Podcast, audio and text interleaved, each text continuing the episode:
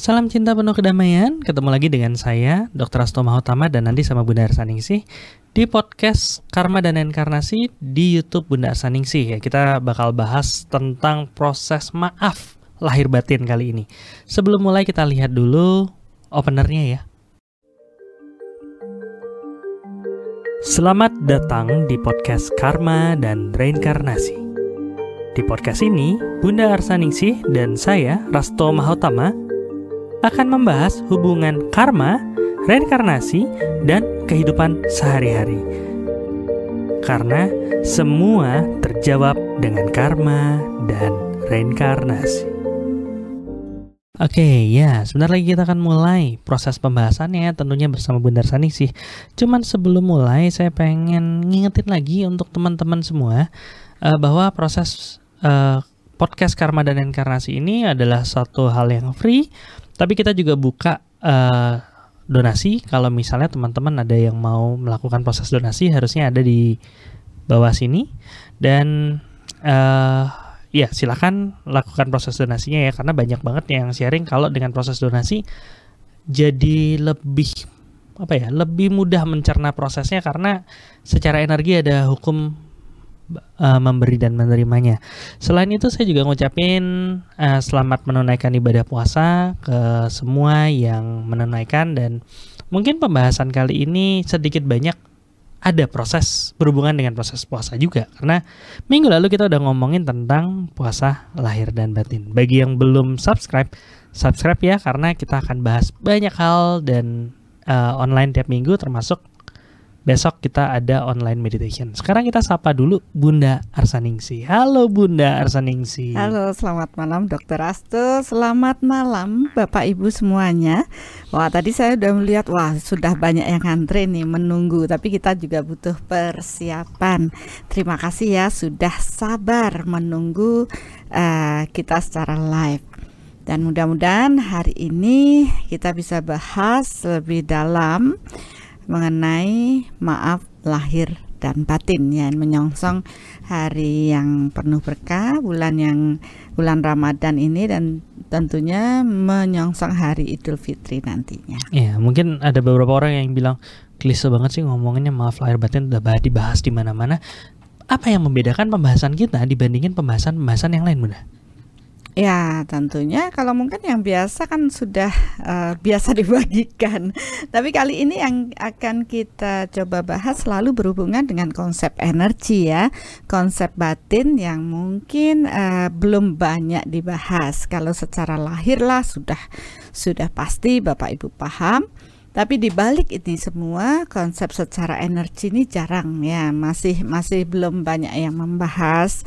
Maka saya ingin Bapak Ibu semua juga mendapatkan informasi yang benar, tambahan pengetahuan karena bagaimanapun kita harus selalu bertumbuh ya agar kita bisa naik kelas. Ya dan uh, untuk teman-teman semua uh, akan sangat baik kalau misalnya aktif ya. Jadi nanti kalau misalnya pertanyaan segala macam, silahkan uh, tulis di chat. Kalau misalnya pembahasannya cocok, hmm. kita akan bahas juga.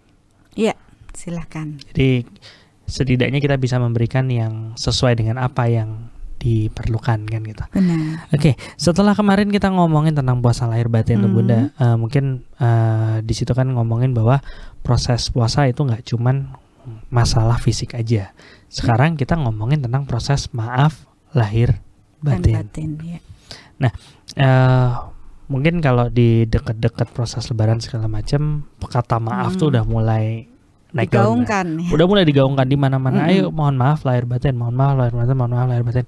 Tapi sebenarnya yang gimana sih yang namanya maaf lahir batin itu nah? Iya. Uh, kita sudah bahas kemarin berhubungan dengan proses puasa ya. Jadi berpuasa pun harus uh, dengan dasar lahir dan batin. Uh, puasa lahir yaitu dengan berpantang uh, makan ya seperti yang sudah Bapak Ibu lakukan.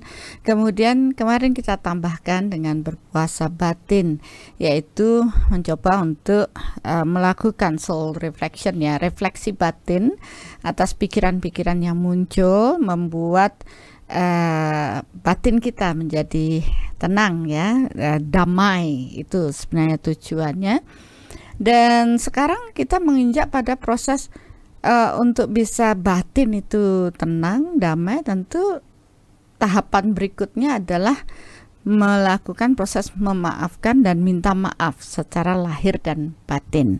Okay. Ya, jadi udah biasa kalau mungkin yang sering kita lihat adalah uh, pada saat uh, Idul Fitri atau bagi mereka yang merayakan ini ini kan sifatnya universal ya, tidak hanya untuk satu agama saja bahwa setiap perayaan-perayaan besar uh, umat beragama di masing-masing agama pasti diikuti dengan proses bersilaturahmi pada keluarga-keluarga. Ya, di sinilah mereka menggunakan kesempatan untuk eh, melakukan proses memaafkan dan minta maaf lahir dan batin ya.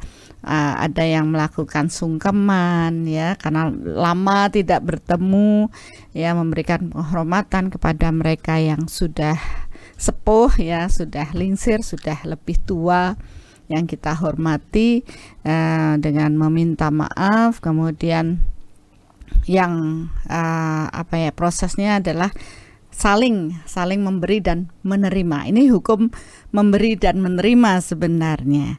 Nah konsep lahir itu sudah terlihat ya dengan uh, proses dengan datang datang berkunjung bersilaturahmi. Walaupun sekarang dengan kondisi pandemi kayak gini nggak datang pun sebenarnya bisa ya bunda ya? bisa sebenarnya. Cuma katanya nggak afdol deh kalau nggak datang. Jadi walaupun ada peraturan uh, pemerintah untuk dilarang mudik ya masih aja ada beberapa yang oh, pokoknya saya harus ketemu. Ya mungkin karena ya mereka menjadi suatu tradisi atau kebiasaan bahwa pada saat lebaran harus bersama keluarga. Ya, jadi begitu tidak jauh wah merasa berdosa, merasa bersalah dan akhirnya menerobos semua peraturan yang sudah dibuat ya. Tapi itu kembali pada pilihan. Ya, dan harapannya dengan proses uh, yang kita akan bahas ini tentang maaf lahir batin mulai sadar uh, tentang proses batin itu seperti apa yang jadi nggak cuman dengan proses lahir yang kita ketemunya aja. Benar. Jadi dengan uh, mudah-mudahan ya Bapak Ibu ya dengan kita berdiskusi kali ini sharing jadi lebih apa ya terbuka, terbuka wawasannya dan tidak menyalahkan diri sendiri ketika kita tidak ikut mudik ya kan tidak bisa pulang karena proses lahir dan batin ini uh, memaafkan mohon maaf lahir dan batin. Tidak harus uh, bertatap muka uh, ketemu tapi kita masih ngedongkol. Berarti lahirnya aja kita bilang uh, memaafkan minta maaf tapi secara batin itu belum belum terselesaikan ya. Karena masih banyak radiasi-radiasi uh, emosi kemarahan yang belum kita benar-benar selesaikan. Oke. Okay. Jadi itu itu yang akan kita coba hmm. bahas hmm. dan ya mudah-mudahan mencapai suatu proses pemahaman ya. ya. Betul. Uh, mungkin saya mulai masuk dari proses maaf itu sendiri. Kok kayaknya maaf tuh sesuatu yang luar biasa banget. Karena tadi udah Bunda udah bilang kalau proses maaf bisa bikin hati jadi lebih damai. -hmm.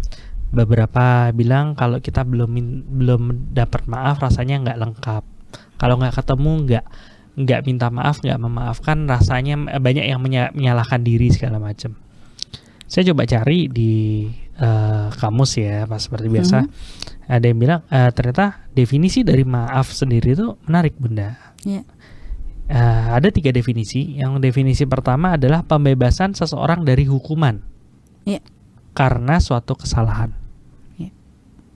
yang kedua ungkapan permintaan ampun atau penyesalan. Yang ketiga, ungkapan permintaan izin untuk melakukan sesuatu. Yang ketiga ini kita nggak bahas lah ya. Yeah. Kita bahas tentang proses pembebasan seseorang dari hukuman dan juga ungkapan permintaan atau penyesalan. Kita bahas di situ. Hmm. Setuju ya? Setuju. Oke, nah pertanyaannya, uh, kalau kita ngomong maaf ini kan ada dua hal yang bisa uh, apa ya berhubungan dengan proses maaf itu, yaitu proses memberi maaf dan ya. proses meminta maaf. Benar. Benar ya, hmm. memberi maaf dan meminta maaf. Kenapa kok dengan proses memberi atau meminta maaf itu hati itu lebih damai? Nah, itu kan baru katanya orang gitu. Oh, kalau kamu udah bisa memaafkan seseorang segala macam, hati rasanya lebih damai. Hmm. apakah benar seperti itu Bunda? Dan kenapa bisa seperti itu kalau dari sudut pandang energi? Iya, terima kasih. Wah ini dokter Asu ngasih PR luar biasa nih. memang tugasnya gitu loh. ya, mari kita lihat dari kata maaf tadi ya, uh, membebaskan diri dari rasa bersalah dan semuanya ya. Kemudian apa tadi yang kedua? Uh, perasaan menyesal, ya, apa ungkapan, ungkapan, ungkapan permintaan ampun atau penyesalan. Ya, dia melakukan kesalahan kan. Nah, setiap manusia itu tidak pernah luput dari kesalahan. Ayo siapa yang nggak pernah punya salah? Nggak ada lah dari proses kecil sampai dewasa seperti saat ini pasti ada kesalahan yang kita perbuat.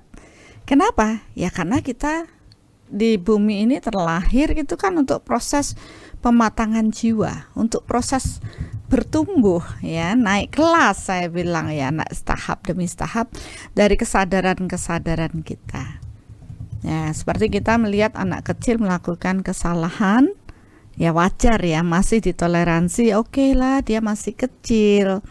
Tapi kita sebagai orang dewasa pasti akan mengajarkan untuk mengarahkan agar kesalahan itu tidak berulang, sehingga dia belajar dari kesalahan tersebut. Nah, ketika dia mengalami ya seperti kita melakukan suatu kesalahan, nggak ada kok orang yang bilang, wah saya tidak menderita dari kesalahan ini. Ya, pasti mereka akan merasakan rasa yang tidak nyaman dan uh, itu teradiasi ya mengurangi rasa bahagia mereka dan uh, tentunya itu juga beberapa orang walaupun actionnya tetap baik-baik saja sering kali secara batin dia masih me menyimpan rasa tersebut dan kalau ini terlihat secara energi dan terukur secara energi, itu mengurangi kualitas bahagia seseorang. Ya, dari uh, bisa rasa bersalah atau uh, proses dia um, apa kalau merasa bersalah karena dia melakukan kesalahan, ya atau marah ketika uh, apa ya orang lain melakukan kesalahan ini sisi yang sebenarnya sama, yaitu membuat seseorang itu tidak damai dan tidak bahagia. Oke, gimana Bunda tadi ada uh, seseorang nggak damai atau nggak bahagia karena yang pertama dia melakukan kesalahan. Dia melakukan kesalahan, ya kan? Atau dia marah atas kesalahan yang dilakukan orang lain. Atau dia sal marah atau tidak nyaman ya tidak itu nyaman. dengan kesalahan yang kesalahan apa? yang dilakukan orang lain. Kan kita tidak luput dari kesalahan nih namanya manusia. Itu belajar dari pengalaman kan? Kalau anak pernah jatuh rasanya sakit maka dia akan berupaya untuk jalan lebih hati-hati. Dan begitu juga um, kalau kita pernah melakukan kesalahan kita akan mengingat kejadian tersebut dan kita lebih hati-hati sehingga banyak dikatakan uh, apa kesalahan itu adalah cara kita bertumbuh menjadi lebih baik. Jadi jangan salahkan kesalahan kita, tapi pahami, rasakan oh iya itu memang tidak baik dan ubahlah untuk menjadi suatu pelajaran dalam diri kita. Sehingga banyak orang mengatakan bahwa kita belajar dari kesalahan diri kita untuk menjadi lebih baik. Ya jadi itu. Nah dari rasa kedua kejadian tersebut akan mengotori tubuh energi kita. Ya dari rasa bersalah yang terus yang tidak nyaman ketemu orangnya. Misalnya saya melakukan kesalahan pada dokter Asto walaupun uh, mungkin saya bisa ngomong ah saya nggak salah kok. Tapi hati kecil ya kita pasti ada tahu oh ya saya memang melakukan kesalahan tapi dia menutupi dirinya.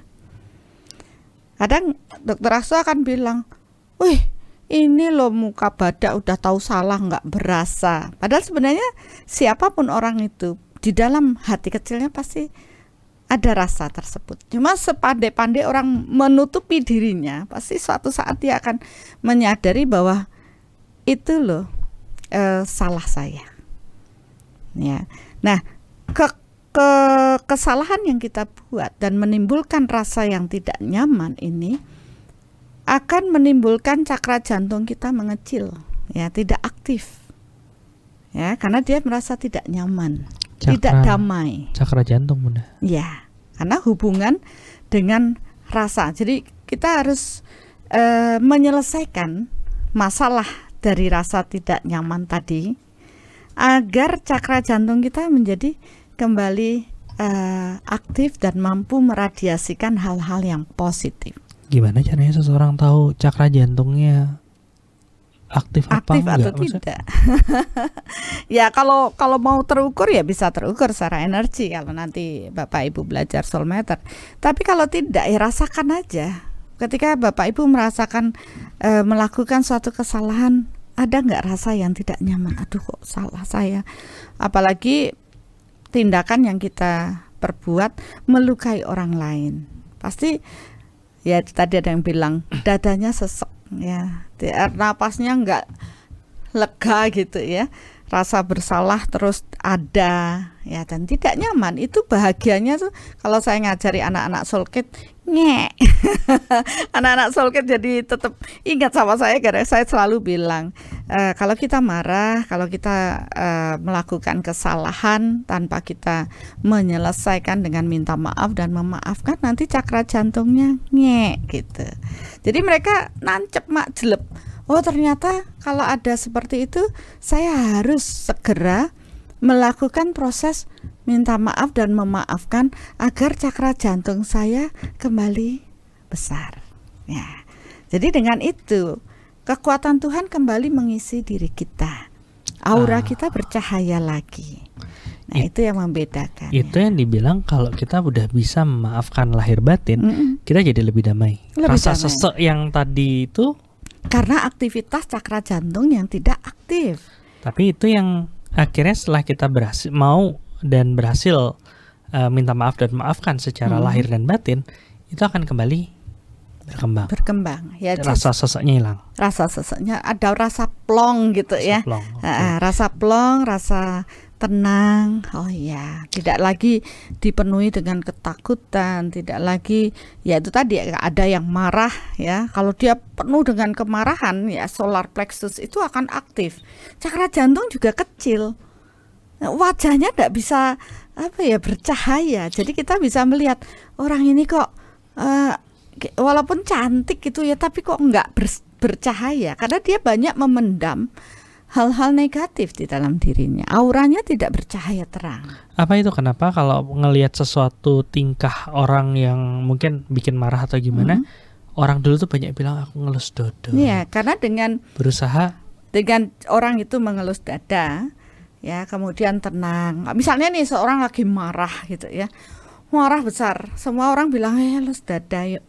Karena apa? Dengan eh, mengelus dada ini, orang itu menjadi lebih tenang karena cakra jantungnya secara otomatis menjadi lebih aktif. jadi eh, apa dia Dengan menyentuh dada dan menenangkan rasa merangsang, eh, Merangsang. apa supaya lebih aktif. ya cakra jantung itu lebih aktif. Tapi bukan berarti nanti supaya aktif saya marah tapi saya pegang dada Nah, terus. baru mau bilang. Tapi kalau misalnya dia megang dada tapi dalam hati masih masih mangkol ngedongkol ya percuma. tetap nggak ngembang. Tet- Tetap nggak gembang. Nah itu kan eh, apa ya memberikan pembelajaran yang paling mudah diterima aja. Tapi sebenarnya pembelajaran dari leluhur kita itu sudah wah luar biasa. Masalah budi pekerti, tepos liro dan semuanya itu bagus banget. Cuma sekarang zaman ini sudah berubah. Ini orang-orang sudah mulai lupa. Tidak lagi mawas diri. Tidak lagi mengenal jati diri ya. Semaunya sendiri. Ya, jadi ternyata penting sekali proses eh, minta maaf dan memaafkan. Karena ya tadi hubungannya dengan cakra jantung ya. Kalau orang marah itu eh, solar plexus di ulu hati ini penuh dengan energi yang negatif. Jadi cakra jantung dia akan kecil karena hubungan antara cakra jantung dan solar plexus itu seperti ngek ngok ngek ngok ngok ngek ngok ngek ya. Jadi seperti itu. Tapi Nih, ada yang nanya nih. Instan sekali, Bun, caranya ngelus dada. ya itu kan saya kan mengambil dari apa yang diajarkan oleh uh, orang-orang tua zamannya ya. Aduh, ngelus dada gitu. Jadi sebenarnya dengan proses seperti ini lebih orang seseorang akan menjadi lebih tenang gitu ya. Karena apa? Cakra jantungnya lebih aktif. Tapi ya tidak semudah itu tentunya. Kalau nanti kita sudah belajar mungkin tidak harus mengelus dada, kita sudah paham. Oh ya, yang saya lakukan adalah memaafkan dan meminta maaf. Secara lahir batin. Secara lahir dan batin. Oke. Tadi ada satu pernyataan yang menarik dari Bunda. Jadi uh, pada saat cakra jantung itu membuka, itu energi Tuhan akan bisa masuk lebih banyak. Iya benar. Jadi nggak salah juga dong kalau ada yang bilang kalau kita sudah memberi atau meminta maaf secara lahir batin, mm-hmm. kesucian di dalam diri kita meningkat itu nggak salah juga dong? Nggak salah, benar juga. Cuma kan orang nggak tahu hubungannya ke mana antara memaafkan lahir batin dengan kesucian tadi. Nah itu dia. Ya, Nah, sekarang tadi kan hubungannya dengan uh, cakra jantung, solar plexus ya, cakra-cakra yang ada diri kita di mana itu berpengaruh terhadap pola energi di dalam diri ya. Kita sudah paham ya bahwa tubuh manusia itu terdiri dari dua tubuh, tubuh fisik dan tubuh energi. Ya, tubuh energi inilah yang uh, orang bilang oh auranya memancar cahaya ya, bersih, tenang, tercermin dari proses itu. Kalau lihat orang yang uh cemberut aja, orang juga tidak nyaman, auranya juga tidak bercahaya ya. Cakra begitu solar plexusnya lebih aktif, uh, siapa saja yang berada di dekatnya pun tidak nyaman karena diradiasi oleh emosi-emosi yang dibawa oleh orang tersebut. Tapi ketika orang tersebut uh, tidak lagi mempunyai pendaman secara batin yang negatif, ya istilahnya cakra jantungnya terbuka lebar, maka orang-orang itu akan merasa nyaman. Wah, oh, ada dia. Wah, apalagi yang lagi jatuh cinta, ya ada dia. Rasanya deket itu maknyes gitu ya. Karena energinya meradiasi terasa menenangkan atau mendamaikan. Ya, itu itu sebenarnya kuncinya. Yeah. Oleh karena itulah kita sadari bahwa seharusnya proses memaafkan lahir dan batin itu tidak hanya nanti di hari-hari keagamaan aja ya. Bersilaturahmi ke keluarga berkunjung harusnya dengan proses batin yang indah dengan proses memaafkan lahir dan batin tapi ke sana cuma setor muka doang. Di dalamnya masih ganjel. Ya itu juga ber, ya percuma lah makanya datang tapi pandangannya sinis. Nah, itu tidak nyaman ya. Lebih baik ya sebelum kita bertemu dengan mereka saudara-saudara kita beranjang sana bersilaturahmi sebaiknya ya kita selesaikan apalagi uh, menjelang hari-hari besar ini. Jadi sebelumnya itu ya selesaikan dulu bukan pada saat itu berkunjung baru minta maaf lahir dan batin ya sebenarnya berkunjung kesempatan kita memberi maaf dan memaafkan secara lahir ya ini dia bilang setor muka dan makan-makan. Iya itu banyaknya kan begitu. Tapi kalau saya ya kita selesaikan dulu secara batinnya. Kenapa? Karena proses secara batin ini ada akan meningkatkan kualitas kita ketika kita melakukan silaturahmi berkunjung ke keluarga kita. Jadi eh, bawaannya sudah tidak ada lagi jengkel, marah ya tidak ada lagi rasa tidak suka, tidak nyaman. Sehingga ketika kita bertemu yang ada adalah ke, kita sudah mampu meradiasikan secara batin ya cinta kepada mereka dan kita bisa meminta maaf ya se, memaafkan secara lahir dengan benar-benar tulus. Jadi senyumnya itu bukan senyum terpaksa karena harus memaafkan dan minta maaf ya. Jadi nah, kalau ketemu tuh sebelum ketemu bukan ngelatih senyumnya ya bun ya. Beli sekarang pakai masker kan, jadi iya, nggak ya, terlalu kelihatan ya. jadi itu harus terselesaikan terlebih dahulu. Oke bunda, agak uh, menarik bunda, ada ngomongin tentang proses tadi memaafkan eh, minta maaf Hmm. itu bisa meningkatkan proses kesucian gitu kan dalam dan juga jadi lebih damai. Cuman ada beberapa juga yang bilang kalau kita maafin itu sebenarnya kita kalah. Gitu kan? Ya Hmm. kamu kalau kalau nggak ngerasa salah jangan pernah minta maaf gitu. Ada yang bilang kayak gitu. Ada juga yang eh, bertanya, mana lebih penting memaafkan sama apa memberi maaf atau meminta maaf? Kalau menurut Bunda gimana? Iya, menurut saya dua-duanya penting ya. Ini nggak bisa hanya satu sisi saja. Ya mungkin sekarang kita sudah paham ya Bapak Ibu kita akan bahas ini antara proses eh, mengkalah dengan proses meminta maaf ya. Eh, ini hubungannya dengan eh, proses sebenarnya meminta maaf atau memaafkan orang lain itu bukan untuk orang lain atau merasa kalah dari orang lain. Itu salah ya. Jadi eh, sebenarnya orang yang mampu memaafkan itu adalah seorang yang men- me- meminta maaf dan memaafkan itu adalah seorang pemenang bagi dirinya ya. Karena mereka mampu mengalahkan ego di dalam diri ya jadi bukan untuk orang lain. Wah, kamu sudah sampai minta maaf sama dia, berarti kamu kalah. Tidak. Sebenarnya kita jadi pemenang nih untuk diri kita. Karena ketika kita mampu meminta maaf, ya. Energi Tuhan itu akan mengalir sangat deras ke dalam diri kita. Itu yang tadi maksud Dr. Rasto tersucikan. Tapi kalau kita nggak bisa meminta maaf, berarti kita masih sombong. Kita tidak akan tersucikan. Orang yang suci adalah orang yang mempunyai kerendahan hati. Orang yang mempunyai kerendahan hati pasti mereka akan mampu untuk meminta maaf tadi. Ya, itu seorang pemenang. Kalau saya sangat menghargai orang yang berani mengatakan, "Oke, saya minta maaf."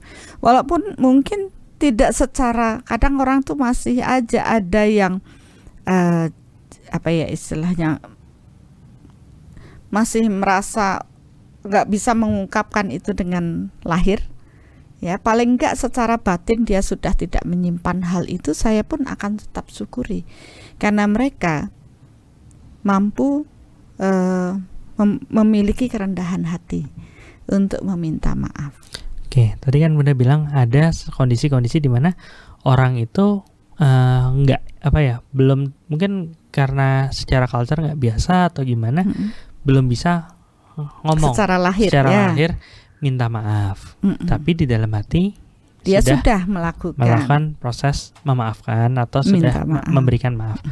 Ini ada menarik nih dari Kioni, nggak tahu benar nggak bacaannya. Kadang dalam beberapa hubungan untuk nenangin keadaan bilang maaf dulu. Masalah apa itu beneran minta maaf atau enggak urusan belakangan. Itu gimana, Bun?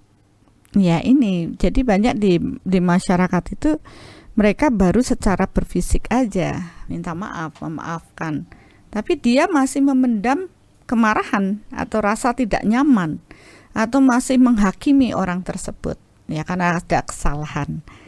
Ya, jadi proses memaafkan orang lain dan minta maaf ini ya harus benar-benar sejatinya itu dari batin kita karena yang ter tercatat di alam itu adalah proses batinnya, Proses niatnya. niatnya dari proses memaafkan dan meminta maaf.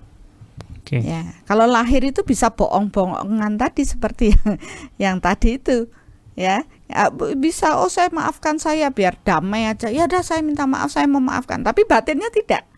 Berarti yang eh, teradiasi di dalam dirinya itu ya belum minta maaf atau belum memaafkan. Dan inilah yang akan dibawa sampai mati Sampai mati. sampai mati, sampai kehidupan berikutnya. Sehingga apabila kehidupan selanjutnya ini proses meminta maaf eh, minta maaf dan memaafkan ini tidak tuntas dalam kehidupan saat ini, di kehidupan yang akan datang kita ketemu lagi dengan jiwa tersebut, kita sudah merasa tidak nyaman.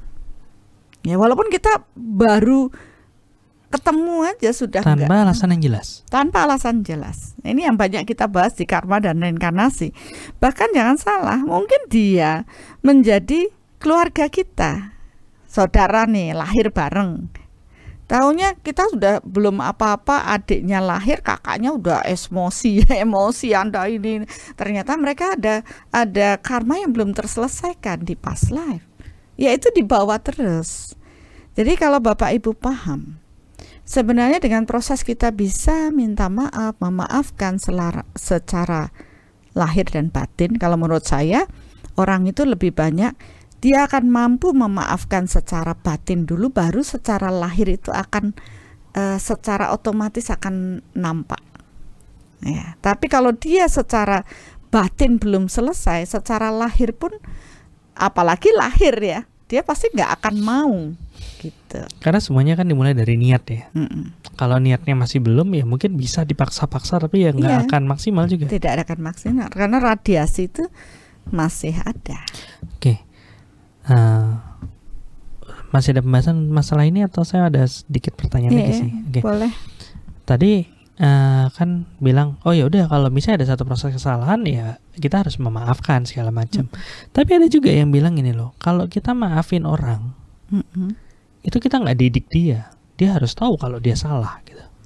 Atau ya kita akan maafin dia kalau dia sudah mengalami proses penderitaan yang setimpal, misalnya seperti itu. Itu gimana bunda?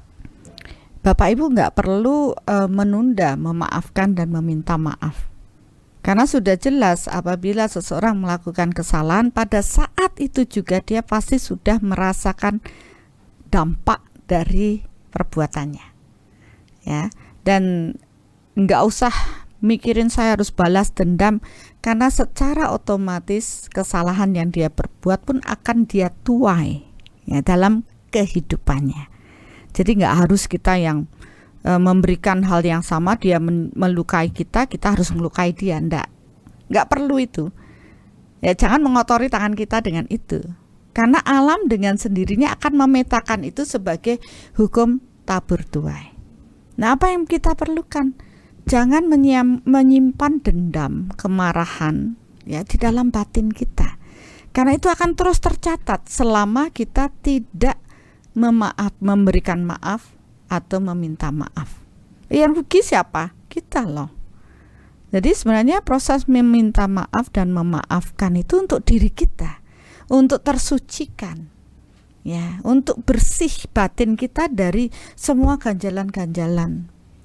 Ya, bukan kita yang menghakimi mereka, tapi sesuai dengan hukum alam yang diciptakan Tuhan.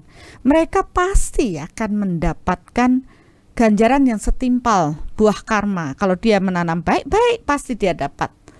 Ya, kalau dia menanam buruk, ya buruk pasti dia dapat. Jadi kita nggak usah lagi eh, apa ya ngotorin tangan kita lagi. Oh saya bikin lagi dia menderita. Ya itu balik lagi ke kita. Kita ikut menderita. Lebih baik pahami hukum ini dengan baik. Kalaupun mereka masih melakukan kesalahan, ya bukan berarti kita tidak tidak usah memaafkan dia. Selesaikan secara batin. Oke, saya maafkan dia. Tapi secara lahir beri dia pelajaran. Ya ketegasan tapi penuh cinta. Kadangkala kita memang harus tekat. Ini loh kamu salah. Dan berikan, oh ya kalau salah ada hukumannya demikian. Itu melatih orang untuk sadar bahwa dia melakukan kesalahan dan tidak boleh mengulang. Jangan membiarkan aja. Ya. Sebenarnya latihan ini bisa kita mulai dari anak-anak kita untuk menunjukkan mana yang benar dan mana yang salah. Tapi kita tidak boleh memendam rasa marah atau apa pun yang penuh di dalam diri kita. Kita harus memang ikhlas menerima dan memaafkan mereka apa adanya. Ya, jadi tetap actionnya memberikan kebenaran, tapi secara batin kita harus bersih. Di sinilah letak kebijaksanaan seseorang. Ya, jadi oh, kita berlatih. Oke. Ada pertanyaan menarik yang baru aja masuk. Hmm. Anton Teguh. Bunda, dalam buku Soul Reflection, Bunda sampaikan kesabaran tuh nggak ada batasnya. Benar. Mohon diperjelas dengan kaitan mana dia? Mohon diperjelas dalam kaitannya dengan memberikan maaf secara batin. Itu gimana? Ada hubungannya nggak? Ada hubungannya. Ya, sabar itu nggak ada batasnya. Jadi eh, kalau kita sudah nggak sabaran ya berarti ya kita nggak sabar namanya. Kalau seorang sabar itu dengan kejadian apa pun ya kita tetap bisa memaafkan dan um, menerima orang lain apa adanya. Ada kejadian ini, oh ya sudah saya maafkan, saya akan berlatih untuk menjadi sabar. Tapi begitu kita terpancing, kita udah nggak sabar lagi. Nah, proses uh, maaf memaafkan inilah sebagai dasar kita bisa berlatih sabar. Ya, lihat dari sisi mana seseorang kenapa dia begini ya. Oh, ternyata ada masalah di dalam diri mereka, sehingga kita bisa memahami mereka dan bisa berlatih untuk memaafkan dan jangan jangan e, merasa kalau saya capek memaafkan dia terus dia begini terus. Sebenarnya ya itu latihan kita untuk berlatih sabar ya. Dan kalaupun dia terus melakukan kesalahan saya tidak ambil e, peduli dengan e, apa ya istilahnya saya ingin membalas atau apa tidak. Saya biarkan karena saya paham dengan hukumnya. Dan kadangkala ya kalau dia ber, berulah terus ya kita beri ketekasan.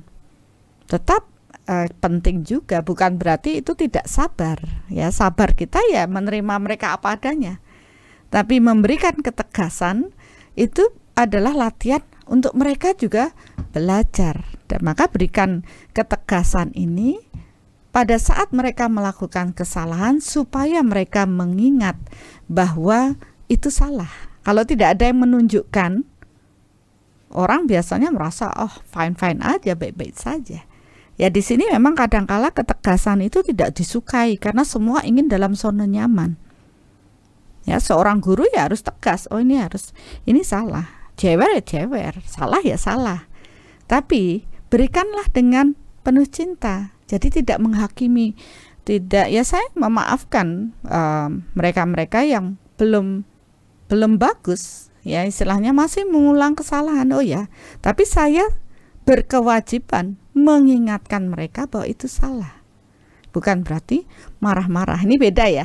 Action kita kelihatan marah tapi batinnya tidak ter uh, terkontaminasi oleh kemarahan atau tidak terpicu ya, tidak ter um, apa ya istilahnya bahasanya ya tidak muncul rasa yang tidak nyaman di dalam diri. Oke, jadi uh, gitu ya prosesnya ya. Oke, ini ada ya pertanyaan juga. Tadi kan Bunda ngomong yang paling penting adalah dibatin dulu kan gitu. Yeah. Nah ini ada yang nanya nih dari Widi Faira. Hmm. Kalau proses meminta maaf dan maafan memaafkan hanya dilakukan secara batin, hmm? Tapi nggak secara fisik atau lahir. Padahal ketemu terus sama orangnya, boleh nggak, bun? Apakah itu akan tercatat di alam? Ya, selama kita tidak membentuk karma baru yang jelek, yang buruk pada orang tersebut, ya. Saya ketemu terus sama uh, Dokter Astu. Tapi suatu ketika saya salah, saya nggak bilang minta maaf sama Dokter Astu karena saya gengsi. Oke. Okay? Nah, pada saat itu padahal saya sudah tahu ya, sudah saya salah. Tapi saya tidak mengungkapkan karena gengsi. Karena ada banyak orang kan seperti itu, toh. Ya. Selama dia tidak lagi membekas di dalam batinnya kemarahan, ketidaknyamanan, maka ya fine-fine aja. Walaupun tidak diungkapkan secara lahir, walaupun kalau sempurnanya ya lahir dan batin. Tapi proses batin ini ternyata lebih penting daripada proses lahir. Karena dengan saya melakukan kesalahan dan saya menyadari kesalahan, saya minta maaf, solar plexus saya kecil dan kemudian cakra jantung saya besar. Maka ketika saya bertemu dengan dokter Rasto sudah tidak ada lagi rasa yang mengganjal. Radiasi saya, cinta saya, kasih saya full. Jadi dokter Rasto pun nyaman. Tapi kalau saya punya kesalahan terus saya ego, saya bilang, oh saya nggak nggak mau minta maaf saya seorang saya benar saya ini saya dekat sama dokter Asto radiasi jengkel saya atau merasa tidak bersalah dan sebagainya akan ditangkap oleh dokter Asto sebagai rasa yang tidak nyaman kan lebih saya, baik saya menyelesaikan secara batin saya walaupun saya tahu saya salah tidak ada lagi radiasi yang negatif yang me, melingkupi aura saya jadi dia dokter Asto pun akan nyaman. Jadi itu sebenarnya kuncinya. Masalah kata-kata itu sebaiknya memang idealnya dikatakan. Tapi budaya timur gitu loh orang Indonesia itu masih ewoh pekewoh malu-malu masih sering tidak bisa mengungkapkan itu dengan kata-kata. Orang ngomong aja aku mencintaimu. Wah, oh, itu kayaknya tabu banget. Ya, saya meditasi, saya buka mata, I love you Bapak Ibu. Itu ada orang sudah ngomong, "Wih, dia belum apa-apanya, bukan siapa loh kok di I love you nih." ya, ya. itu kan tradisi-tradisi uh, yang demikian yang kadang-kadang Oh ya, sebenarnya ini adalah latihan untuk mengungkapkan rasa. Itu kadang-kala ya memang harus bagus kalau diungkapkan dengan secara lahir. Oke. Nah, sekarang Nah, ini nih pertanyaan Dokter Rudi Pui kayak entah saya nangkep pertanyaan uh, apa nangkep radiasinya Dokter Rudi Pui atau Dokter Rudi Pui nangkep radiasi saya nggak tahu. Tapi ini pertanyaan yang mau saya tanyakan. Bunda, gimana ngadepin orang yang masih marah walaupun kita udah minta maaf secara batin? Soalnya nih kan saya ngeliat ada ada beberapa pendapat yang berbeda. Mm -hmm. Satu ada yang bilang barusan nih ada yang bilang mm -hmm yang penting kita minta maaf secara batin itu selesai. Barusan banget bun. Oh iya. Bu bunda tadi barusan. Oke. Okay. Dan banyak lagi yang bilang bahwa uh, apa ya masalah itu akan selesai pada saat si orang itu sudah maafin. Hmm. Jadi walaupun kita minta maaf, kalau orang itu belum maafin, masalah belum selesai. Jadi ya, harus yang, terus yang belum selesai itu yang mereka. Yang penting kita sudah minta maaf secara batin, ya gitu dokter Asto. Maksudnya belum selesai itu mereka tuh gimana bun? Kan ini kalau kita melakukan kesalahan kita minta maaf nih. saya minta maaf sama dokter Asto. Kemudian dokter Asto nggak ngasih maaf ke saya, ya kan? Saya sudah minta maaf. Oke, itu belum selesai kan? Mm-hmm. Ya belum selesai itu bukan di saya. Yang belum selesai itu di, di dokter Asto kenapa nggak mau memaafkan? maka dia akan membuat solar plexusnya gede terus, cakra jantungnya ngek gitu. Padahal mungkin uh, ya maksudnya di cerita ini ya, hmm. saya nggak maafin hmm. bunda karena pengen menghukum. Ya sama aja dia membentuk karma baru yang buruk ya. Itu belum selesai. Itu malah bikin itu malah membentuk istilahnya membentuk karma baru yang lebih buruk. Karma baru loh ini Tadi sudah marah, ya saya melakukan kesalahan. Dia tidak dokter Asto tidak terima. Akhirnya saya sudah minta maaf, kan? Dengan saya minta maaf kan solar plexus saya kecil, cakra jantung saya besar. Tadi dokter Asto tidak melakukan kesalahan, ya cakra jantungnya besar. Ya katakanlah saya yang salah, saya mengecilkan solar plexus, saya membesarkan cakra jantung dengan meminta maaf. Nah, dokter Asto tidak mau memaafkan saya. Saya marah berarti. Berarti dia marah. Solar plexusnya besar, cakra jantungnya ngek. Lah, yang yang terus tidak selesai siapa? Saya. Iya, iya sudah terima. Berarti bisa dibilang Aha. apa yang terjadi ya. ke kita itu bisa jadi karena pembayaran karma yang masa lalu.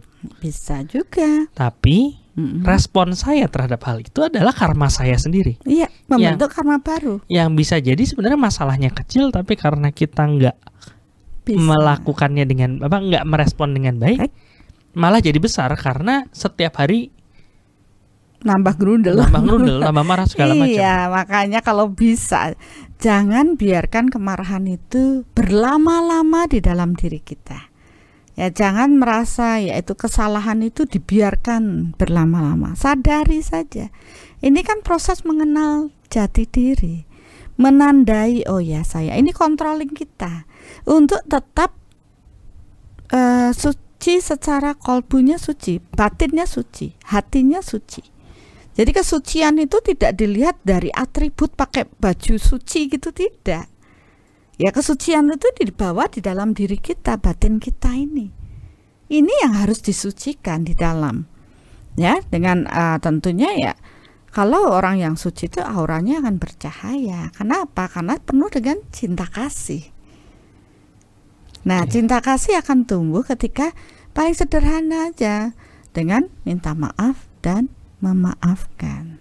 Dan itu pembayaran ini hutang ini tidak atau kemarahan ini ya bagian bayar hutang kan. Mungkin dia datang dengan hal buruk tapi sikap kita buruk ya kita nambah hutang kan. Berarti kita bawa sampai kehidupan yang akan datang. Dalam proses kematian ini kalau kita masih belum bisa memaafkan ya dibawa sampai mati dibawa pada kehidupan yang akan datang. Yang rugi siapa? Kita ya kita tidak tersucikan. Walaupun udah pakai atribut yang nomor wahid ya tidak juga di mata Tuhan. Ya orang yang tersucikan ketika dia tidak lagi menyimpan hal-hal yang negatif ya. Oke. Okay. nah yang penting juga ini kan ada banyak yang bertanya terus seberapa ya? Terus lakukan secara batin ini minta maaf memaafkan dan kalau kita secara energi ya terukur sampai tidak ada yang terradiasi keluar Oke, berarti ini kan ini uh, pertanyaan banyak nih. Hmm. Ya ini kan uh, apa? Tadi ada yang nanya gimana kita tahu kalau kita minta maafnya itu udah cukup atau memberi maafnya itu udah cukup.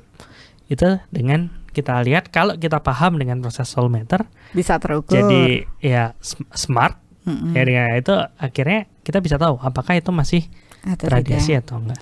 Kalau Oke. mau ndak pakai soul meter, ya amati aja dalam diri kalau kita ketemu orangnya tidak lagi ter apa ya rasa itu tidak lagi muncul emosi dan apa atau mungkin ada orang menyebut nama ada beberapa orang nyebut nama saya baru disebut aja orang udah bilang wih dia loh langsung emosinya memuncak berarti mereka belum benar-benar memaafkan secara batin.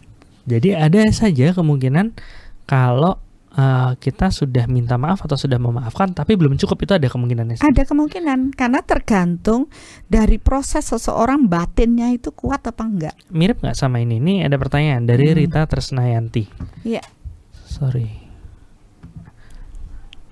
mana tadi ah, nah. udah muncul dia di sana ya iya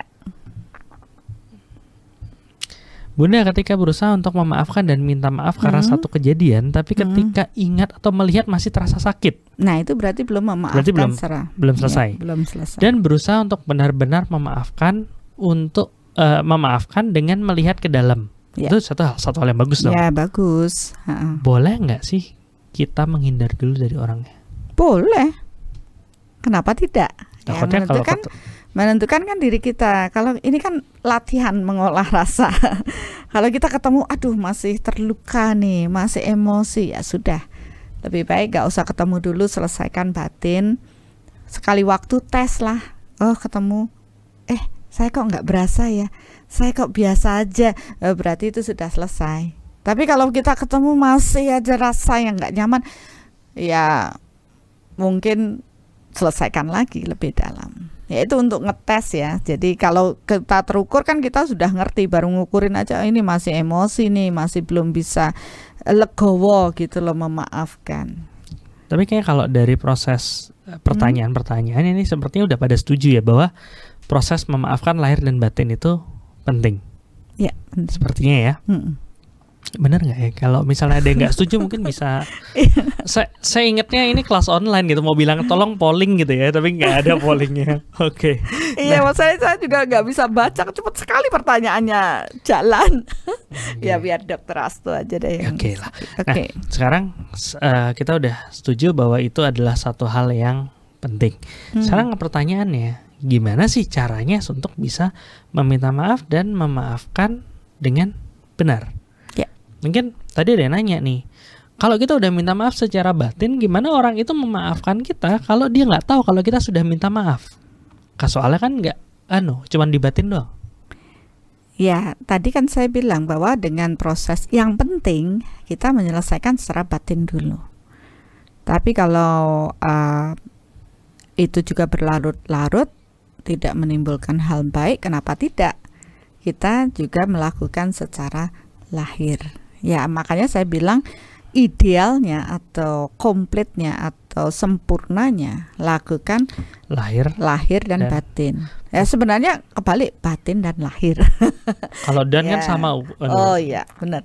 Jadi penting lebih penting di batinnya. Karena apa? Itu akan terpeta hingga kelahiran berikutnya. Okay. ya seberapa kita menyimpan kemarahan ya merasa bersalah dan seberapa eh, semakin kuat itu dipikirkan dan diperkuat, maka radiasinya akan semakin luas.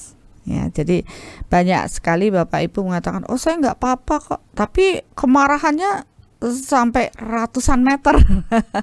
Kenapa? Karena diperkuat setiap lihat batin lagi diperkuat marahnya, diperkuat. Nah, rekaman itulah yang akan kita bawa ke mana-mana, tak gendong ke mana-mana. Jadi bebannya itu berat. Oleh karena itu eh, kalau kita yang sudah tahu paham dengan soul matter kan bisa ngukur. Kita bisa oh ya selesaikan dengan lebih dalam, lebih dalam. Tentu butuh power yang besar.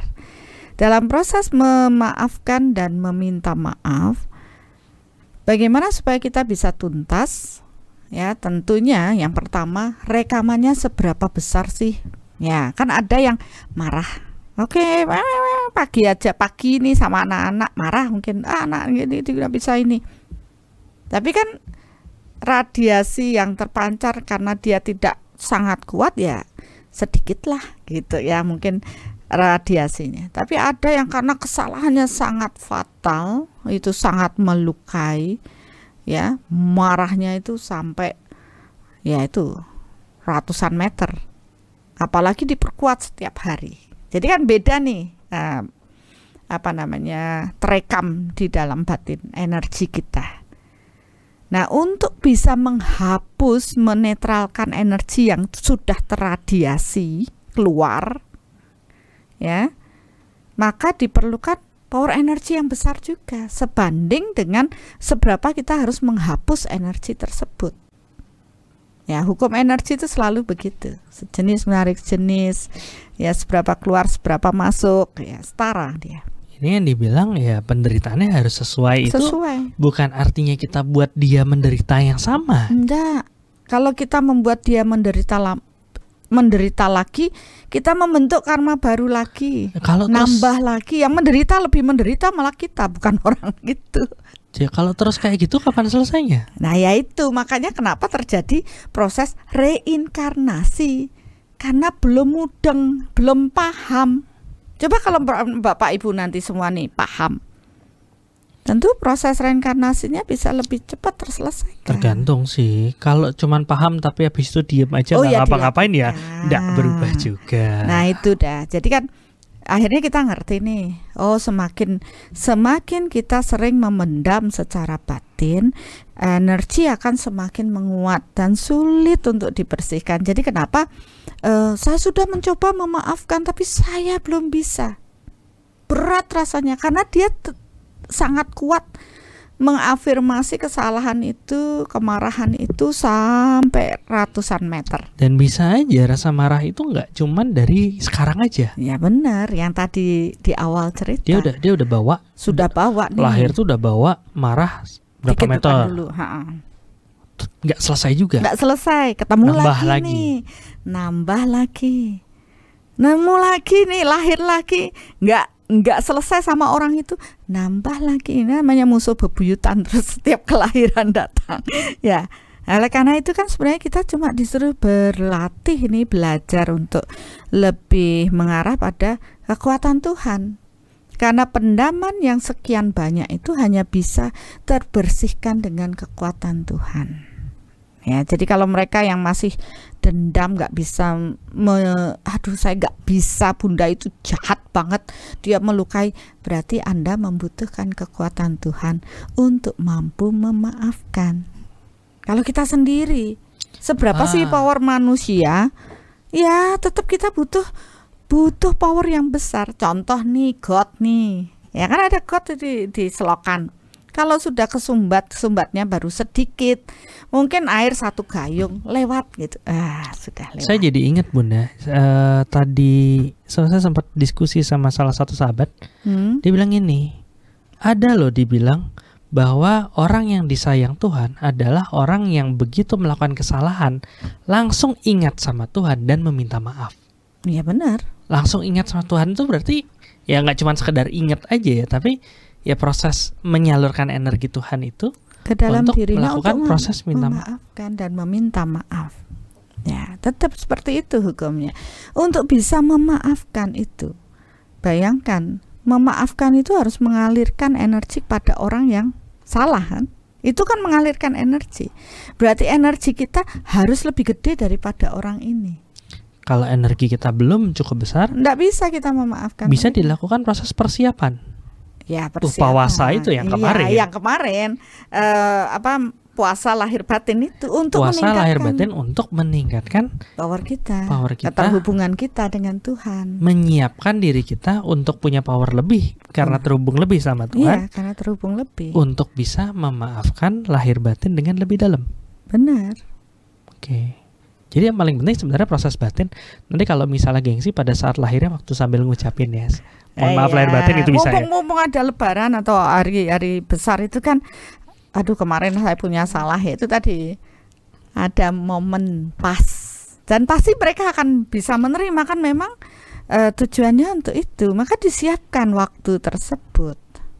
Hmm, oke okay, oke. Okay. Nah sekarang nih mungkin uh, saya nggak tahu siapa tahu dari teman-teman yang uh, apa ikut live nih hmm. ada yang langsung ngambil kertas sama pulpen tulisin satu-satu saya salah sama siapa gitu ya. Hmm. Mau saya mau saya apa namanya uh, beri maaf atau minta maaf. Nah pertanyaannya uh, kondisi sekarang kondisi pandemi nih. Hmm. Uh, walaupun banyak yang dengan gagah berani mel apa uh, ngelawan larangan mudik tapi banyak juga yang patuh dan akhirnya nggak bisa mudik ya. nggak yeah. bisa ketemu sama hmm. orang tua oke masalah pilihan yang mana itu balik ke masing-masing ya. Hmm. cuman apakah artinya perbedaan jarak ini yang nggak bisa ketemu ini mengurangi proses uh, minta maaf. minta maaf dan memaafkan ya? Ya menurut saya sih tidak. Secara batinnya tidak. Ada kendala ya tidak dalam kondisi kita berjauhan. Uh, tidak ada masalah kalau karena secara energi itu melintasi ruang dan waktu. Saya di sini, ya saya di sini, uh, saya nggak bisa mudik nih, kan? Um, jadi saya dari sini yang meminta maaf, memaafkan mereka-mereka saudara-saudara saya yang ada di Jogja, dari Semarang, kan gitu, uh, secara batin.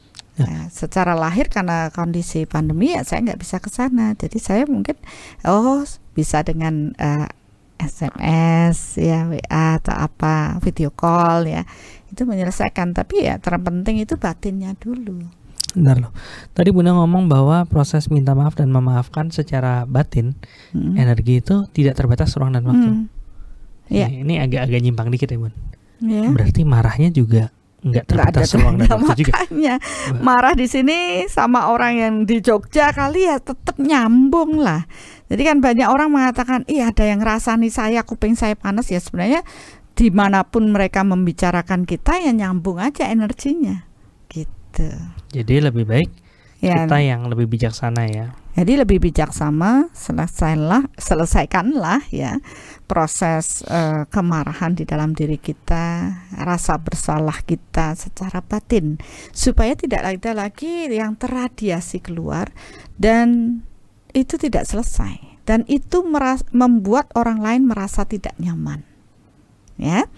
Begitu ada kemarahan di dalam diri, maka kita tidak akan mampu meradiasikan cinta yang banyak kita udah bahas ya sama Mas Biu waktu itu bahwa ketika dia masih punya kemarahan ya padahal marahnya sama si A. Terus dia mau meradiasikan cinta sama si B. Dia pikir oh yang penting kan saya sudah meradiasikan cinta ke B banyak gitu. Tapi tapi ternyata kan e, cinta dan marah itu tidak bisa bersatu. Istilahnya kalau dia meradiasikan marahnya banyak berarti cintanya cuma sedikit karena kan cakra jantungnya ya cuma segitu saja. Ya kapasitas yang mampu dipancarkan. Jadi ya solar plexus kemarahannya harus diselesaikan baru cakra jantung atau radiasi cintanya akan jauh lebih banyak. Ya jadi kenapa ya menjelang hari-hari besar itu kita sudah diajak untuk mawas diri, untuk menyelesaikan secara batin juga. Sehingga pada saat uh, besok seperti Idul Fitri ya benar-benar mohon maaf lahir dan batin. Ya, ada juga cerita-cerita yang bilang kalau oh ada orang yang ternyata amal ibadahnya besar banget gitu kan. Hmm. Bagus banget. Setelah ditelah ternyata setiap malam dia meniatkan untuk meniatkan untuk memaafkan maaf. kepada semua orang yang melakukan salah ke dia dan minta maaf. Benar. Tapi kalau powernya uh, pengaruh ya, kalau powernya lebih besar, ya minta maaf maafinnya lebih makjos gitu ya. Iya. Karena semua itu tergantung power. Ya, banyak orang yang tidak menyadari hal ini. Dia pikir hanya lahir, kalau batin itu berhubungan dengan power energy. Nah, power energy seseorang menjadi besar ketika dia terhubung dengan kekuatan Tuhan.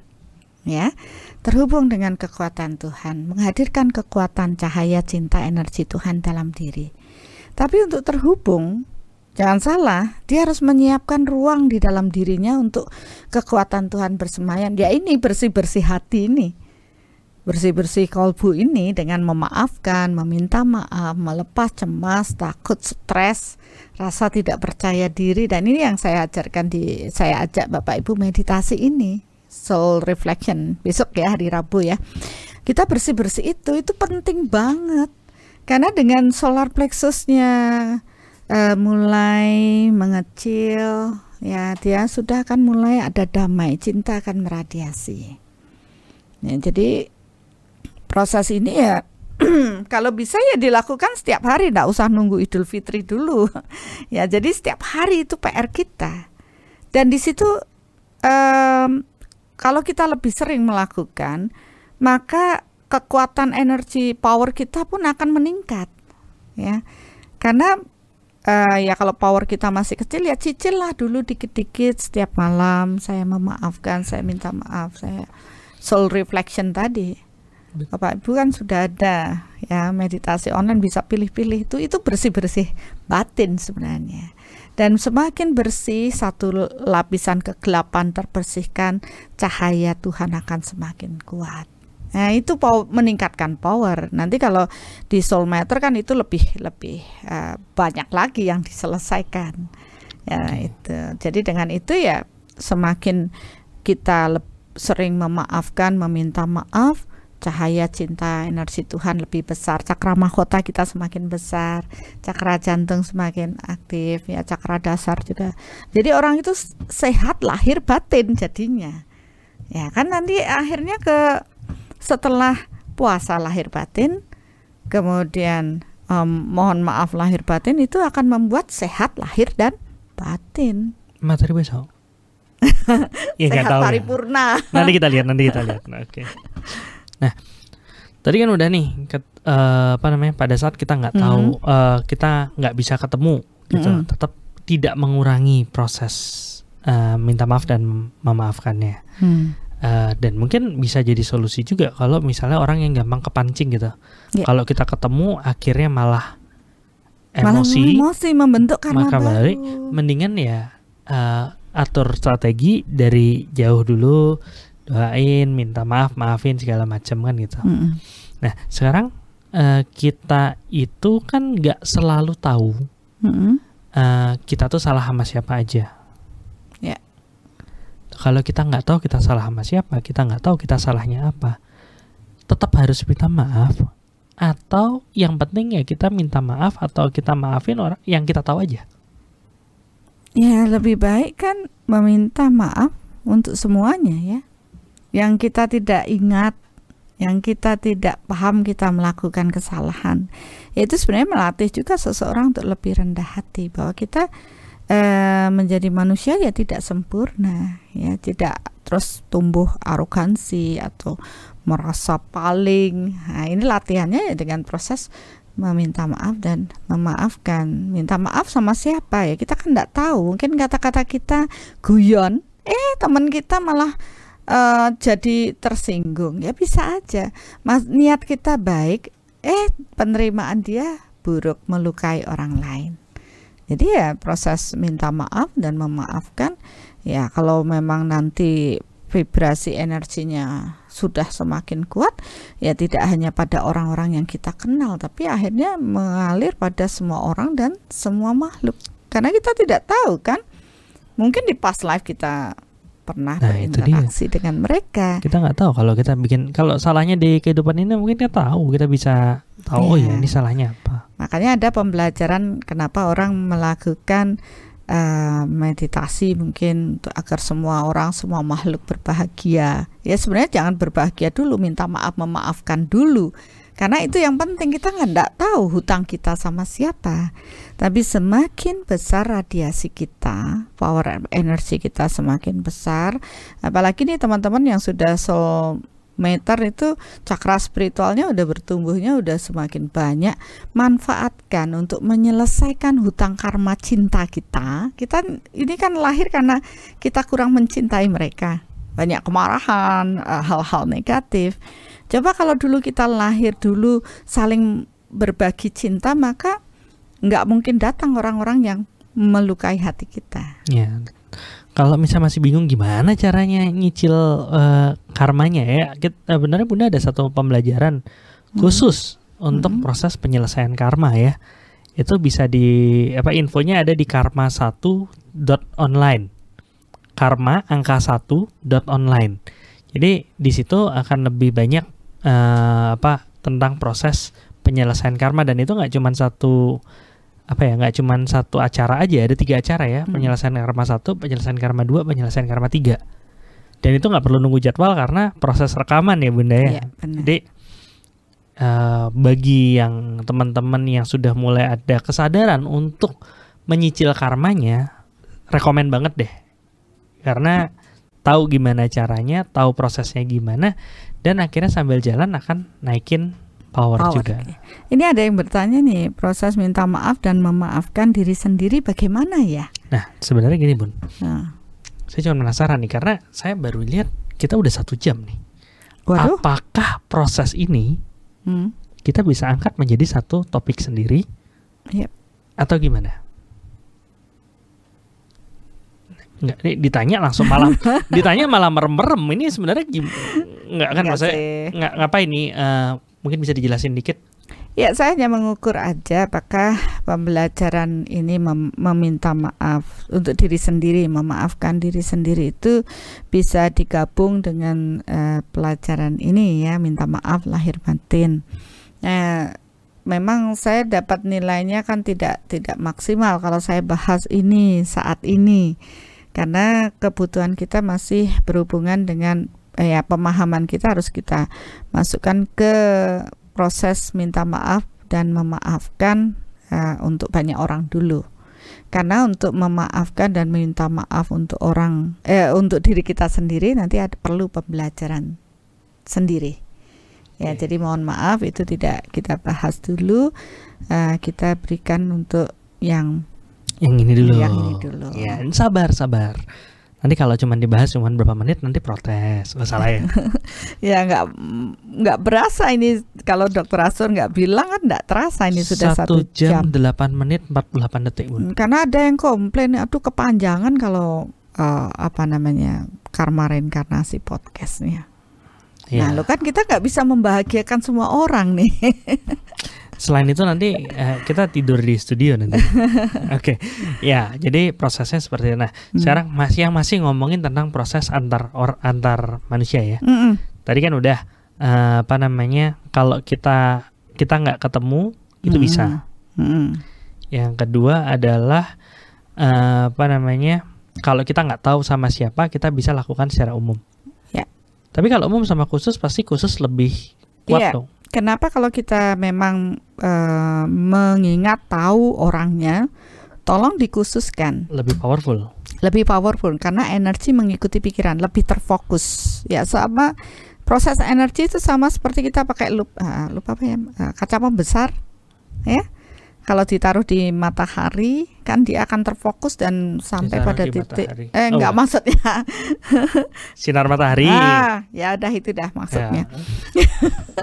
Terus eh terfokus di kertas, misalnya ada kertas kan terbakar karena fokus. Energi juga dem- demikian. Jadi kalau bisa ya kita fokus pada seseorang yang kita paham itu, sehingga proses penyelesaian secara batin dapat eh, lebih apa ya terselesaikan lebih lebih dalam. Tapi kalau nantinya kita sudah terlatih, power energi kita sudah meningkat, baru kita bisa me- tergantung ya ukuran eh, powernya radiasi yang terjangkau radiasi dari diri kita tuh sudah seberapa meter maka orang-orang di sekeliling eh, lingkup aura kita pun dapat kita selesaikan dengan proses minta maaf dan memaafkan secara batin ya. Walaupun kita tidak kenal orangnya. Karena eh, biasanya kalau kita berdekatan gitu ya biasanya itu pasti ada satu karma yang terjalin. Jadi selesaikan. Nah, terus gimana dengan kalau misalnya kita salahnya atau kita harus maafinnya eh, seseorang yang sudah tiada, sudah, sudah meninggal. meninggal ya kalau selama kita masih eh, mampu mengingat beliau dengan eh, bagus ya memang kita kenal dan kemudian beliau meninggal ya energi tidak ada batas ruang dan waktu sehingga kita masih bisa. Toh yang dimintain maaf itu bukan jasadnya fisiknya. Yang kita ma- mintain maaf yaitu eh, jiwanya. Jadi kesadaran jiwa beliau lah yang kita dengan kesadaran beliau ini ya kita minta maaf dan memaafkan. Banyak orang yang merasa bersalah ya eh, dengan orang tuanya tapi orang tuanya sudah meninggal dan dia terpuruk. Dan menimbulkan sakit dan sebagainya macam-macam karena ada psikisnya. Tapi begitu dia paham dengan proses energi dan kita tuntun dan terukur terselesaikan dia baru merasa plong. Ya baru dia bisa menjalani hidupnya karena ya ya bisa aja selesai proses memaafkan dan meminta maaf ya. Sehingga kita di kehidupan yang akan datang itu tidak lagi eh, harus bertemu lagi secara berfisik. Di sinilah eh, pembelajaran yang lebih tinggi. Nanti akhirnya baru orang itu dengan power yang lebih besar terus bertumbuh dia bisa meradiasikan cinta pada semua orang di mana dia menyelesaikan karma pada semua orang. Di sinilah proses nanti pen, apa ya apa ya mencapai kamoksan. Ya dia tidak akan terlahir lagi kalau dia bisa menyelesaikan semuanya tentu dengan sesuai power yang besar. sesuai dengan definisi maaf, membe- pembebasan seseorang dari hukuman. benar sekali. Bener banget. benar banget. Hukuman dari apa yang dilakukan kesalahannya itu. kesalahannya itu. Sebenarnya itu sangat penting gitu loh eh, proses ini. Dan rasanya semua udah diajarkan di semua agama tapi banyak yang tidak ngeh juga. Malah merasa ngapain gue maafin lo misalkan ya banyak hal seperti itu. Tapi kalau kita sudah paham ya saya ingin membebaskan dengan minta maaf memaafkan ya kita tidak akan terlahir kembali karena hutang-hutang itu dapat terselesaikan dalam kehidupan saat ini. Tapi ingat ya powernya mencukupi atau tidak? Banyak orang mengatakan saya sudah oh, biarlah semua orang eh, berbahagia biarlah semua orang hidup damai. Lawang dirinya aja nggak damai tidak bahagia. Apa yang mau bisa diradiasikan? Ya nggak kena Benar Tuh. juga. Jadi jangan asal ngomong doang. Mari kita bertumbuh bersama, kenali diri kita dan sadari apa sih yang kita radiasikan. Kalau memang kita sudah penuh dengan cinta Tuhan, barulah orang itu bisa meradiasikan cinta.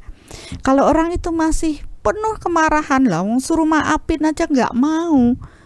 Masa dia bisa meradiasikan cinta? Untuk dirinya aja kurang, gimana dia bisa berbagi cinta? Bagi marah-marah oke lah. Karena dia baru punya marah. Ya itulah Apa yang dia mengkisah. punya itu yang bisa itu di yang bisa dia bagikan. Oke, sebenarnya kayak udah udah hampir semua sih bun Hmm. yang dibahas tentang proses ini tentang proses apa eh cin apa namanya kok cinta lagi? Ya proses maaf lahir batin. Dan sebenarnya ini eh, berhubungan banget sama materi dua materi sebelum ini ya yang bareng sama Mas Bio yang Iya. Apa cinta jarak jauh itu Iya. u- berhubungan banget prosesnya Berhubungan jadi kalau teman-teman eh, belum nonton yang itu eh, saya saranin nonton juga Mm-mm. karena eh, berhubungan sama proses ini sama yang kemarin juga yang puasa juga Iya, berhubungan puasa juga demikian. sebenarnya semua semua podcastnya berhubungan semua ya. ya. ini udah episode ke berapa sih udah ya nanti apa bisa ditonton yang sebelum-sebelumnya Iya. oke ada nggak proses kelas online khusus untuk proses minta maaf dan memaafkan pertanyaan nih bun Gimana? Apakah apakah ada ada? kelas online khusus proses minta maaf dan memaafkan. Sepertinya semua kelas online-nya Bunda ngomongin minta maaf dan memaafkan. Rasanya ya begitu kayak kemarin baru pembelajaran em, aspek aspek spiritual itu juga minta maaf dan minta maaf memaafkan ya. Rasanya memang tidak ada yang tidak berhubungan dengan itu karena itu yang sejatinya harus kita lakukan. Cuman Ya. mungkin banyak yang bingung oh, mulainya dari mana kelas kelasnya ada banyak segala macam. Eh, saran mulai dari langkah awal mengenal jati diri. Ya. Infonya di jati diri J A T I D I R I dot atau titik online O N line. Jadi jati diri online ini eh, proses langkah awal mengenal jati diri yang ngomongin tentang ya gimana kita melangkah dalam proses pengenalan jati diri nanti setelah itu akan ada lanjutan-lanjutan yang lebih spesifik lagi ke spiritual itu ngomongin memaafkan minta maaf di situ ada Ya. di hubungan ada juga di kemakmuran ada ada juga juga. di kesehatan ada, juga. Iya. Eh, dan ya kalau itu kan butuh waktu ya di menyiapkan diri sesuai jadwal dan sebagainya.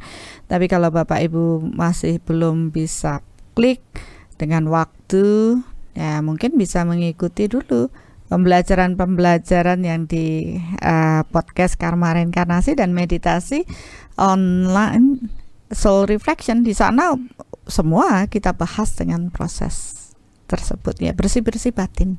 Ya dicicil. Dicicil lah. Walaupun kalau powernya lebih ya Hmm. akan jauh lebih mudah kan gitu. Iya. kayak yang satu motongnya pakai yang powernya lebih motong pohon pakai eh, gergaji mesin. Hmm. yang powernya sedang motongnya pakai kapak. Yang Hmm. powernya kecil pakai pisau butter. Ya kalau mau tega bisa tapi kalau pohon ya sampai kapan? Iya makanya nyicilnya harus lebih banyak. Oh, iya benar sih. Kan kalau gitu. bisa ya mari bertumbuh bersama ayo belajar. Ya tidak ada yang gratis di alam ini. Semua harus dari eh, niatan di dalam diri. Nanti begitu kita meniatkan untuk bertumbuh untuk belajar pasti semua akan datang pada diri kita. Karena sejatinya di alam ini eh, hukum yang diciptakan Tuhan itu adalah sejenis menarik jenis atau tabur tuai. Oke, oke, nggak terasa, beneran nggak terasa ya, satu jam Hmm. 18 menit 12 detik. Eh, sepertinya kalau kita lanjut terus juga nggak akan selesai juga. Ya. Cuman eh, karena ini adalah proses apa ya, proses yang kita bagikan seperti ini, Hmm. kita minta dong eh, masukan gitu ya, masukan gimana, apakah sesuai atau enggak proses pembahasan eh, ini maaf lahir batin. Tapi jangan di ini ya, jangan di live chat ya Hmm. di komentar gitu. Jadi nanti kalau udah selesai and uh, selesai sesi ini kan ada tuh komentar tuh. bisa di sana. Jadi kita bisa baca ya. Uh, siapa tahu itu bisa membuat kita bisa memberikan yang lebih baik lagi. Dan jangan lupa di like, subscribe juga. Iya. Oke. Oke. Eh, Bunda, adakah karena waktu juga udah eh, mepet banget nih, Bun. Udah Kira- lewat kali. Nah, itu dia makanya. Kira-kira ada Kak sesuatu eh kata penutup lah untuk pembahasan kali ini. Ya, ketika kita sudah paham uh, dengan proses memaafkan dan meminta maaf, jangan tunda diri kita untuk mema- memaafkan atau meminta maaf atas semua kejadian yang terjadi pada diri kita. Karena semakin menunda, maka kita akan menimbun lebih banyak pikiran negatif dan mengotori aura kita, batin kita. Ya, begitu kesadaran kita muncul, cepatlah untuk dengan rendah hati dan melibatkan kekuatan Tuhan, kita memaafkan dan meminta maaf. Nanti ditanya bagaimana caranya harus secara rutin dulu. Nanti secara otomatis kok kita akan menjadi pribadi yang rendah hati, yang akan ikhlas menerima orang lain apa adanya. Dan kita pun tentu akan bertumbuh menjadi lebih baik karena dengan proses memaafkan dan meminta maaf kita mencicil ya penyelesaian-penyelesaian hutang karma kita yang belum terselesaikan dan kita sendiri akan tersucikan dengan proses tersebut. Jadi kesucian batin kita bukan dari proses ritual yang kita lakukan saja, tapi lebih banyak dari proses penyelesaian batin ya yang menjadi lebih indah. Oke. Mungkin hmm, Makasih Bunda pembahasannya dan ya kita akan bahas lagi lebih banyak lagi di apa uh, pembahasan-pembahasan hmm. lainnya. Saya juga. Ya, sekarang saya nunggu dokter Asto dong. Nunggu closing kan ya. Udah oh, iya. terima kasih Bapak Ibu enggak ya. ya ini udah entah kenapa ya akhirnya setiap setiap ini ada tulisan ya sudah lah Oke, bisa dibantu nggak? Saya nggak hafal bun, baru bikin soalnya. Hmm. Bisa dibantu nggak Deva contekannya? Oke, di dunia dengan jutaan masa, gesekan pasti adanya. Yeah. Dilukai udah biasa, melukai kadang nggak terasa. Bener ya? Iya. Yeah. Di dunia penuh keadilan, nggak hmm. mungkin ada kebatilan. Iya. Yeah. Yang dilakukan ditanggung bagai beban berat bagi Dilan.